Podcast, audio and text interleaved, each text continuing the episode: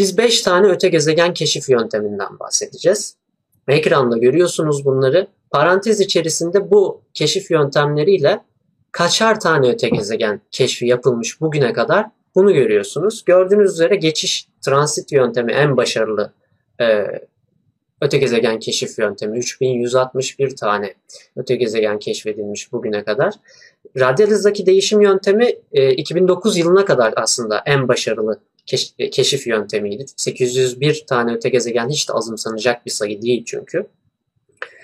Diğer öte gezegen keşif yöntemleri biraz daha az olduğunu görüyoruz. Ve bu 5 tanesinden aslında daha fazla öte gezegen keşif yöntemi var.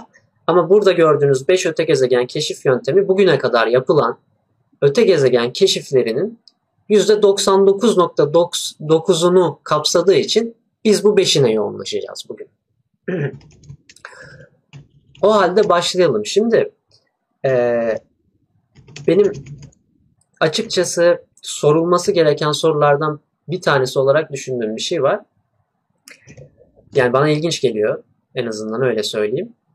Güneş sistemindeki gezegenlere baktığımız zaman örnek vermek gerekirse işte Neptün'e, Uranüs'e hatta Plüton'a evet Plüton bir gezegen değil ama baktığımız zaman oldukça geç zamanlarda keşfedildiğini görüyoruz. Mesela Plüton 1930 yılında mı keşfedilmişti hocam? Ne zaman keşfedilmişti? 1926.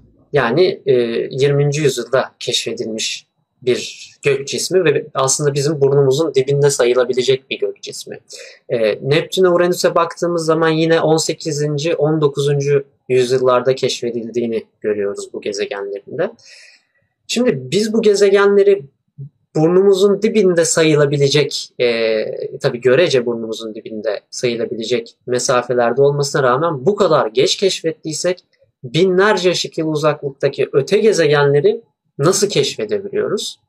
E, bu gerçekten ilginç bir şey aslında ama bilim insanları işte e, o kadar güzel yöntemler, o kadar akıllıca yöntemler keşfetmişler ki e, bu sayede bu kadar çok öte gezegen keşfi yapılabiliyor.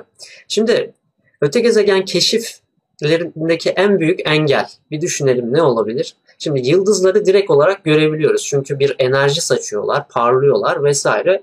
Gözlemlememiz zor değil yıldızları. Ama Bu gez... arada bir şey söyleyeyim. Tabii buyurun. Ee, Kemal. Şimdi şu var. Şimdi güneş sisteminde yeni gezegen keşfetmemiz zor oluyor. Tamam kabul. Ama işte uzak yıldızlarda pat pat pat pat buluyoruz. İşte 4000 e, küsür 4100'ün üzerinde gezegen keşfedildi. Nasıl oluyor ya? Burnun dibini göremeyenler. Bu, bu soru gel o kadar sık geliyor ki özellikle um, komplocular tarafından burnunun dibini göremeyenler onu nasıl görüyorlar? Şimdi biz bir tane yıldızın yani güneşin çevresindeki keşfettiğimiz işte şu ana kadar kaç tane cisim keşfettik sayalım işte 100 binin üzerindedir gezegenler, e, cüce gezegenler, meteorlar, kuyruk yıldızlar 100, 100, bin, 100 binden fazla bunlardan keşfettik. Şimdi e, bunun çevresinde hala yeni gezegen nasıl yeni buluyorsunuz demenin anlamı yok. Biz şu anda bir tane yıldıza değil öte gezegen keşfederken milyarlarca yıldıza bakıyoruz. O milyarlarca yıldız içerisinden biz 4000 küsür tane keşfettik diye seviniyoruz. Hı hı. Hani şimdi milyarın ne olduğunu arkadaşlar anlayamıyorlar bu tür soruları soran insanlar. Milyarın ne olduğunu kavrayamıyorlar. Arkadaşlar milyar e, 1 milyara kadar e, sayabilmek için saymaya başla. Kaç gün boyunca say hiç durmadan saymaya başla. Kaç günde bitirdiğini hesapla. Yani biz bunun içerisinden 4000 taneyi bulmuşuz. Öpüp de başımıza koyalım. Yani bu çok bir sayı değil çünkü. Hı hı. Evet. Kusura bakma Kes. Yok estağfurullah. Ee, ya zaten şimdi bu soruyu evet sormamız gerekiyor ama bunu bir komplo teorisi haline getirmek yanlış çünkü örnek vermek gerekirse az sonra anlatacağımız transit geçiş yöntemini bizim güneş sisteminde bir gezegen keşfetmek için e, kullanabilmemiz her zaman mümkün değil. Veya az sonra anlatacağımız diğer keşif yöntemlerini. Evet. Bizim bulunduğumuz konum da çok önemli keşif yapmak için. E, Hemen başlayalım fazla da uzatmadan radyal hızdaki değişim yöntemine o zaman. Şimdi radyal hızdaki değişim yöntemini anlayabilmek için videoyu da ben açayım şöyle. Evet iki tane ön bilgiye ihtiyacımız var önce. Basit iki tane bilgiye ihtiyacımız var. Bunlardan ilki ortak kütle çekim merkezi konusu. Bu nedir? Evrende her cisim bir kütlesi vardır ve kütleleri oranında birbirlerini çekerler. Ve her iki cisim arasında ortak bir kütle çekim merkezi e, oluşur aslında. Ve tabi doğal olarak hangi cisim daha yüksek kütleli ise ortak kütle çekim merkezi daha yüksek kütleli olan cisme daha yakın olacaktır.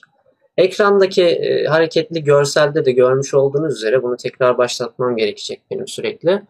E, iç daire ortak kütle çekim merkezini temsil ediyor ve doğal olarak yıldıza daha yakın etrafındaysa bir gezegen mevcut.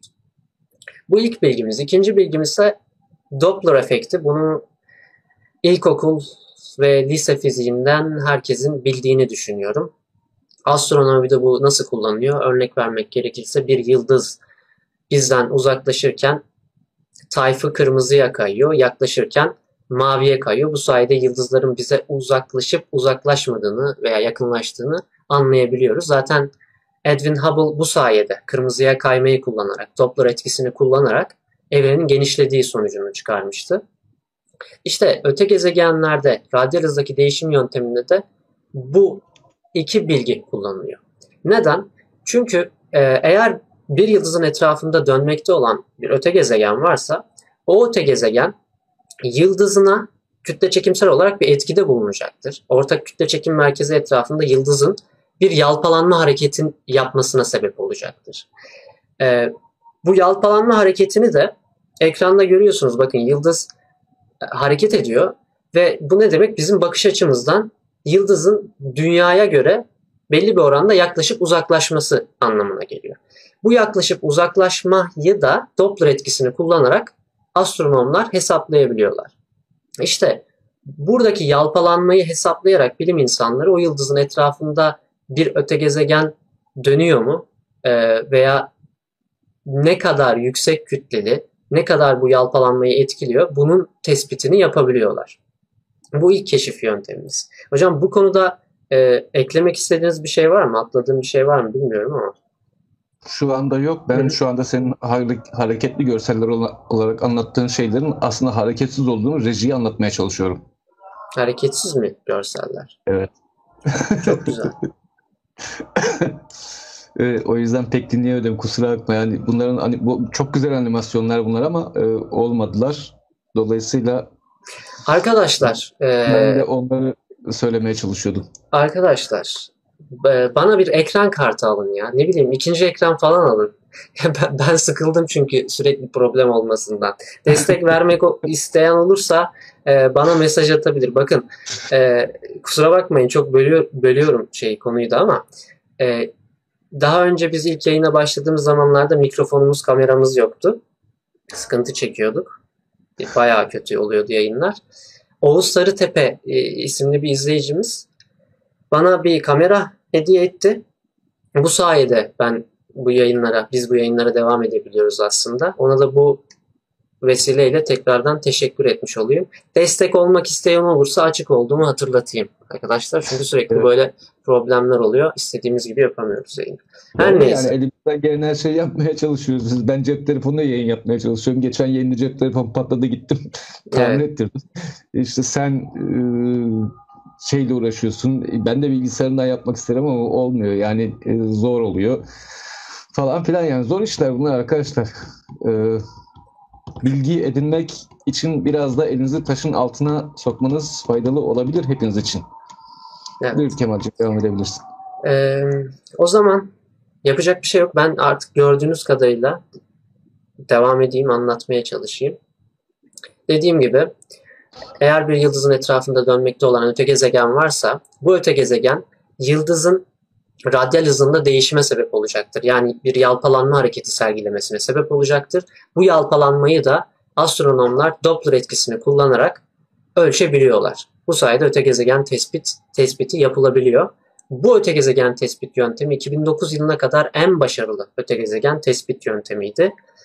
Ama her öte gezegen keşif yönteminin bazı olumlu e, tarafları ve olumsuz tarafları var. Yani artıları ve eksileri diyelim daha doğru olması açısından.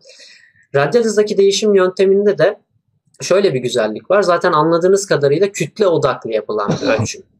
Bu yüzden bir öte gezegen tespiti yaptığınız zaman öte gezegenin kütle ölçümünü de yüksek bir doğrulukla yapabiliyorsunuz. Direkt yani kütlesini hesaplayabiliyorsunuz öte gezegenin. Ee, ancak yine kütle çekim kanunları gereği öte gezegenin e, yıldız üzerindeki kütle çekim etkisinin yani yalpalanma hareketinin fazla olabilmesi için ya gezegenin yüksek kütleli olması lazım ya da yıldızına yakın mesafede bulunuyor olması lazım. Eğer öte gezegen yıldızına yeterince yakın değilse veya yeterince yüksek kütleli değilse yalpalanma o kadar fark edilmez olacaktır ki yani kütle çekiminin etkisi öte gezegenin yıldızına olan kütle çekiminin etkisi o kadar az olacaktır ki keşfi yapamayabilirsiniz. Böyle bir sıkıntısı var bu e, öte gezegen keşif yönteminin de. bir saniye.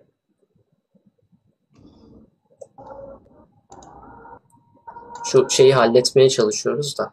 E, sunum konusunu. Kusura bakmayın. Hocam eklemek istedikleriniz varsa bu bunu beklerken ekleyebilirsiniz. Ya, e, Kemal'in dediği gibi e, öte gezegenleri bu radyo hız veya işte Doppler etkisi e, benzeri şey e, yöntemlerle ölçümlerken gezegenin yıldızına oldukça yakın olması gerekiyor. Şimdi şöyle düşünün. Hmm, şimdi bizim yıldızımız Güneş'e en yoğun etki eden gök cismi Jüpiter. Bir uzaylı varlık çok uzaklardan işte yüzlerce ışık yılı uzaklıktan Güneş'e bakıyorsa göreceği şey şudur. E, Jüpiter'i görecek. Yani radyalız yöntemi işte Doppler etkisi veya işte başka e, birazdan anlatacağım yöntemleri görünce Jüpiter'i görecek. Çünkü Jüpiter o kadar büyük kütleye sahip ki Güneş'i etkiliyor. Güneş'i etkilediğinden dolayı görünüyor. Ama e, ona daha yakında olan bir dünya var. Dünya çok küçük. Dünya misket kadar bir gezegen. O kadar küçük ki e, keşif yöntemlerinin birazdan anlatacağım bir tanesi haricinde çoğu e, dünyanın güneşin üzerinde hiçbir etkisi olmaması nedeniyle bir işe yaramıyor. Aynı şekilde e, e, Venüs ve Merkür ve Mars da benzer sıkıntılar yaratıyorlar. Olmuyor. Dolayısıyla hani her yöntemi ayrı ayrı uygulamak gerekiyor. Her yöntem üzerine çalışan farklı bilim insanları var. e, ve de e, bu hareket etmeye başladı bu arada galiba. Oldukça iyi. Rejimiz hallediyor. Evet. Evet. Her yöntem üzerine farklı yöntemler üzerine çalışan farklı bilim insanları var. Yani astronomi o kadar geniş bir bilim dalı ki siz bir yöntem üzerine uzmanlaştığınızda kalkıp diğer yöntem üzerine keşif yapamıyorsunuz. Çünkü onun hepsinin incelikleri çok çok ayrı, çok detaylı. Yani biz burada radyal hız e, diyoruz, Doppler etkisi diyoruz, benzeri şeyler diyoruz ama yani bunlarla ilgili gerçekten bir şey öğrenmek isteseniz e, şuradan göstereyim. Şöyle elime alayım bir tane almak çok güzel. Şimdi aldım gördüğünüz kitap böyle görüyorsunuz. Şimdi bu bit yetmedi.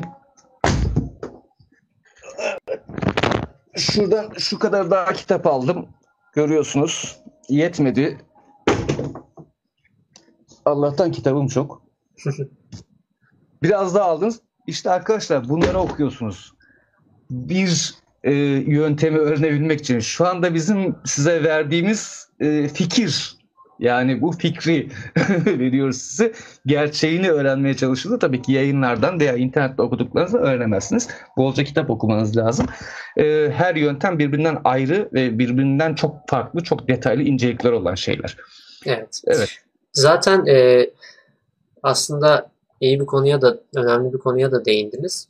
Dediğim az önce benim de dediğim gibi öte gezegen keşif yöntemlerinin her bir tanesinin artı ve eksi tarafları var ve bir öte gezegen keşfini eksiksiz bir şekilde yapabilmek için bütün öte gezegen keşif yöntemlerini biliyor ve doğru bir şekilde uyguluyor olmanız lazım. Yani astronomların yaptıkları bu en azından.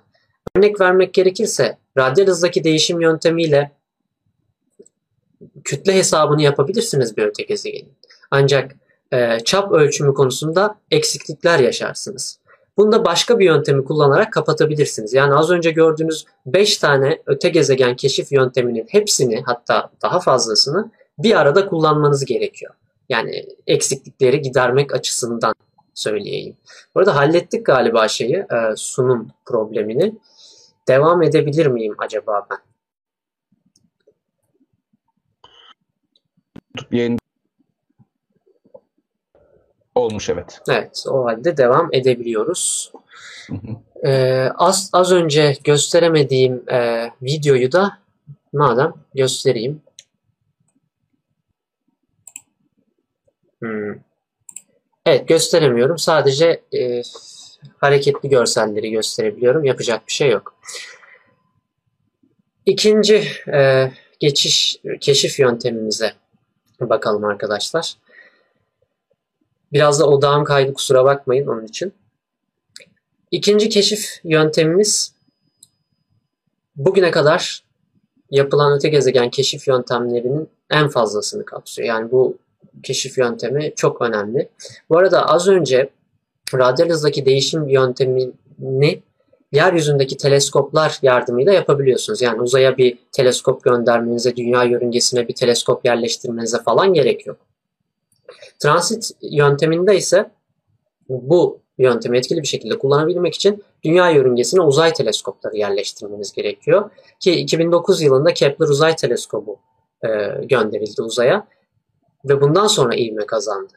E, öte gezegen keşifleri. Geçiş, e, geçiş yöntemiyle de öte gezegen keşifleri Kepler Uzay Teleskobu ile yapıldı zaten daha çok. Bu yöntem aslında anlatması en basit e, yöntem olabilir. Şimdi hepimiz ay tutulmaları, güneş tutulmaları vesaire görmüşüzdür, izlemişizdir.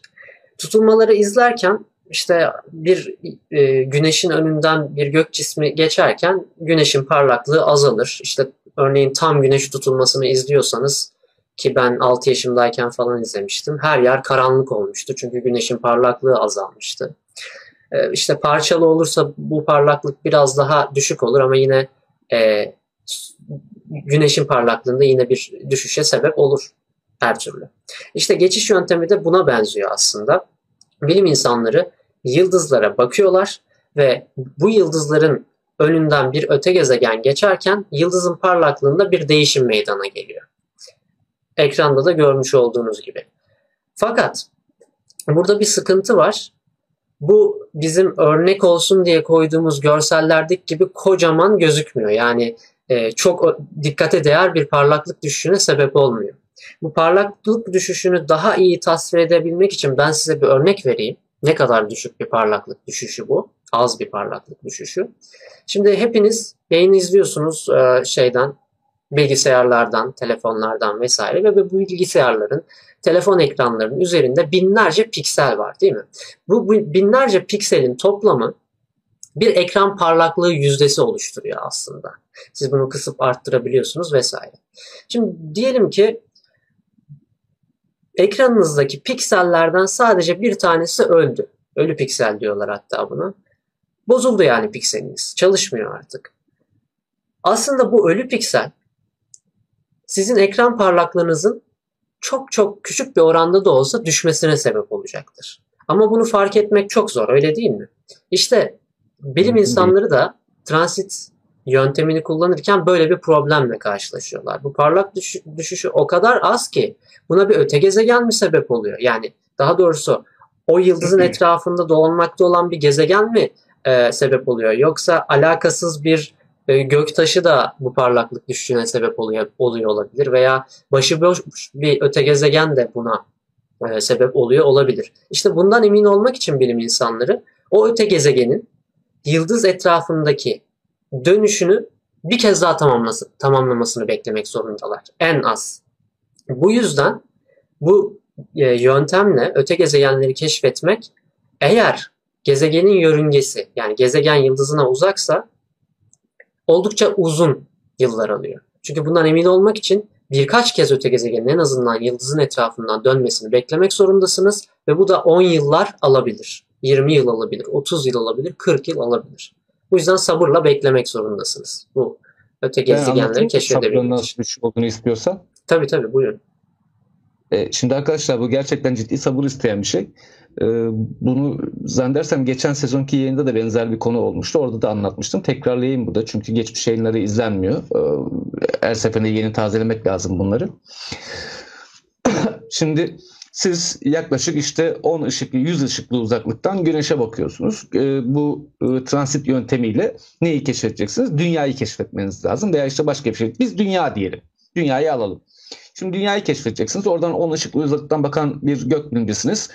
E, güneşin sürekli izliyorsunuz güneşi. Şimdi güneşin e, dünya önünden geçiyor siz tabii bunu bilmiyorsunuz. Dünya önünden geçerken güneşte belli bir süreliğine çok düşük bir parlaklık düşüşü oluyor. Çok çok düşük, inanılmaz düşük bir parlaklık düşüşü oluyor. Siz çok e, uygun sensörlerinizde, çok hassas sensörlerinizde bunu fark ediyorsunuz. Bu tabii sizi e, rahatsız etmiyor, bir sıkıntı yok. Çünkü güneşin parlaklığı belli dönemlerde önünden geçebilen herhangi bir şeyle de düşebilir. Bir güneş lekesi de güneşin parlaklığını düşürebilir. Benzeri şeyler olur. Siz bunu not aldınız. Beklemeye devam ediyorsunuz. Ben not aldım. İşte X tarihinde bu oldu.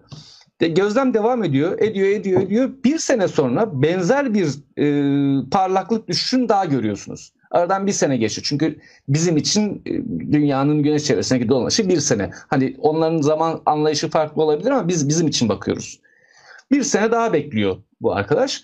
Benzer bir düşüş oluyor. Aa diyor ben diyor notlarına bakıyor. Belli aralıklarla parlaklık düşüşleri olmuş. Aa diyor buna benzer bir parlaklık düşüşü yaşadım ben burada diyor. Ha diyor bunu benim konfirm etmem lazım. Yani bunu, benim bunu onaylamam lazım. Ne yapayım? Arasındaki geçen süreye bakıyor. Hadi bir sene diyor. Tamam diyor. Ben bir sene daha beklersem e, bu arada kaçıncı seneye gideceğiz? Üçüncü seneye gideceğiz. Bir sene daha beklersem ben bu parlaklık düşüşünü e, onaylayabilirim. Bekliyor. Benzer bir parlaklık düşüşü daha oluyor. Bu parlaklık düşüşü olduğunda diyor ki ben burada bir gezegen olduğundan şüpheleniyorum diyor bu oradaki gökbilimci. Bunu arkadaşlarına duyuruyor, eşine dostuna duyuruyor, işte oradaki bilim kurullarına duyuruyor. Diyorlar ki evet bizim bunu teyit etmemiz lazım diyorlar. Sen böyle bir keşif yapmışsın. Teyit için o belirlediği zaman aralığında bir daha geçmesi lazım. Yani bir sene daha bekliyorlar. Yani uzaktan dünyayı bir e, gökbilincinin bir o şey uygarlığın keşfetmesi minimum 4 yılı buluyor. Daha uzun süreli geçen bir gezegeni keşfetmelerini düşün. Örneğin kimi keşfedecekler? Uranüs'ü şey e, Satürn'ü keşfetsinler. Satürn güneşin çevresinde 30 yılla dönüyor. Yani 30, 60, 90, 120. Yani Satürn'de 120 yılda keşfedebiliyorlar. 120 yıllık gözlem gerekiyor bu transit geçiş yöntemiyle buluyorlarsa. Evet. Ne kadar zor olduğunu burada anlamanız lazım arkadaşlar. E işte bu yüzden zaten bu keşif yöntemiyle keşfedilen öte gezegenlerin geneli yıldızına yakın mesafelerde dönen e, öte gezegenler. Yani hızlı bir şekilde bir tam dönüşünü tamamlayan gezegenler. Bunun sebebi de bu. Çünkü çok fazla beklemeleri gerekiyor sizin de anlattığınız gibi. Evet oldukça zor, e, çileli bir iş. E, astrofizikçileri o yüzden kutlamak, sabırlarından dolayı da tebrik etmek lazım. Şimdi e, bizler ben bu tür konulara çok girdiğim için beni bana bazen e, kızıyorlar. Çünkü maalesef kozmik anaforu yönettiğimden dolayı e, sosyal medyalarına bakıyorum ve diyorum o kadar fazla komplo teoriseninle karşılaşıyorum ki ya insanlar emeği görmüyorlar. Yani muazzam bir emek var arkada. Adam gitmiş 6 saat 7 saat video izlemiş. Aydınlanmış video izleyince böyle. Ya adam orada 6 yıldır çalışıyor. 60 yıldır çalışıyor. Hala orada konuşuyorlar anlamıyorum ya. 40 saat video izledim. 40 saat ne videosu izledin ya? 40 saat video izledim. Sen 40 saat neydi Ahmet Çakar'ın neyse söylemeyeyim. evet. Kedilerle ilgili bir şey söylemiştik. Kedi ve farelerle ilgili. Anladım. Evet, konumuza geri dönecek olursak Ahmet Çakar'dan öte gezegeninde. Ee, bu geçiş yönteminin de artı ve eksi tarafları var. Dediğimiz gibi yıldızına yakın mesafelerde olması gerekiyor öte gezegenin keşfi yapabilmek için. Bu keşif yöntemiyle e, öte gezegen çapını hesaplayabiliyorsunuz. Fakat kütle hesabı bakımından eksik kalıyorsunuz. E, tabii diğer öte gezegen keşif yöntemleriyle birleştirip bu yöntemle keşfettiğiniz bir öte gezegen hakkında daha fazla bilgiye erişebiliyorsunuz. Bunu da söyleyelim. Ve diğer keşif yöntemimizle devam edelim. Doğrudan görüntüleme yöntemi bu. Bu direkt olarak öte gezegene baktığımız keşif yöntemi aslında. Fakat bunu yaparken karşımızda bir sorun çıkıyor. Yıldızların parlaklığı. Çünkü yıldızlar çok parlak cisimler az önce de konuştuğumuz gibi. Yıldızların parlaklığı öte gezegenleri görmemizi engelleyebiliyorlar.